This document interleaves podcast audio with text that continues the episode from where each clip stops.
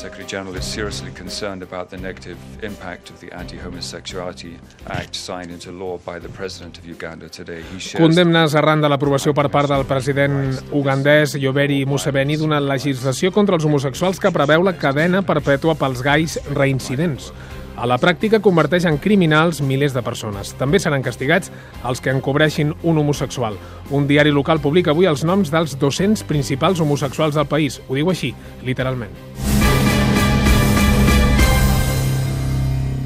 Un cas que, desgraciadament, no és únic ni a l'Àfrica ni al món, ens ho explica el següent informe que ha preparat en Joan Bota. Els casos més extrems, l'Àfrica, el Pròxim Orient i l'Orient Mitjà. Són les regions del planeta on més perseguida està l'homosexualitat. Països com l'Iran, l'Aràbia Saudita, el Sudan, Mauritània i la part nord de Nigèria preveuen directament la pena de mort per suposats delictes com temptativa d'homosexualitat o homosexualitat consumada. La pressió no només és legal, sinó social i fins i tot familiar. L'excepció que confirma la norma és Sud-àfrica, amb una legislació avançada que permet el matrimoni entre persones del mateix sexe. L'Àsia, no al matrimoni. Fora dels països d'influència islàmica, cap país asiàtic penalitza l'homosexualitat, però tampoc s'atorguen drets a aquest col·lectiu.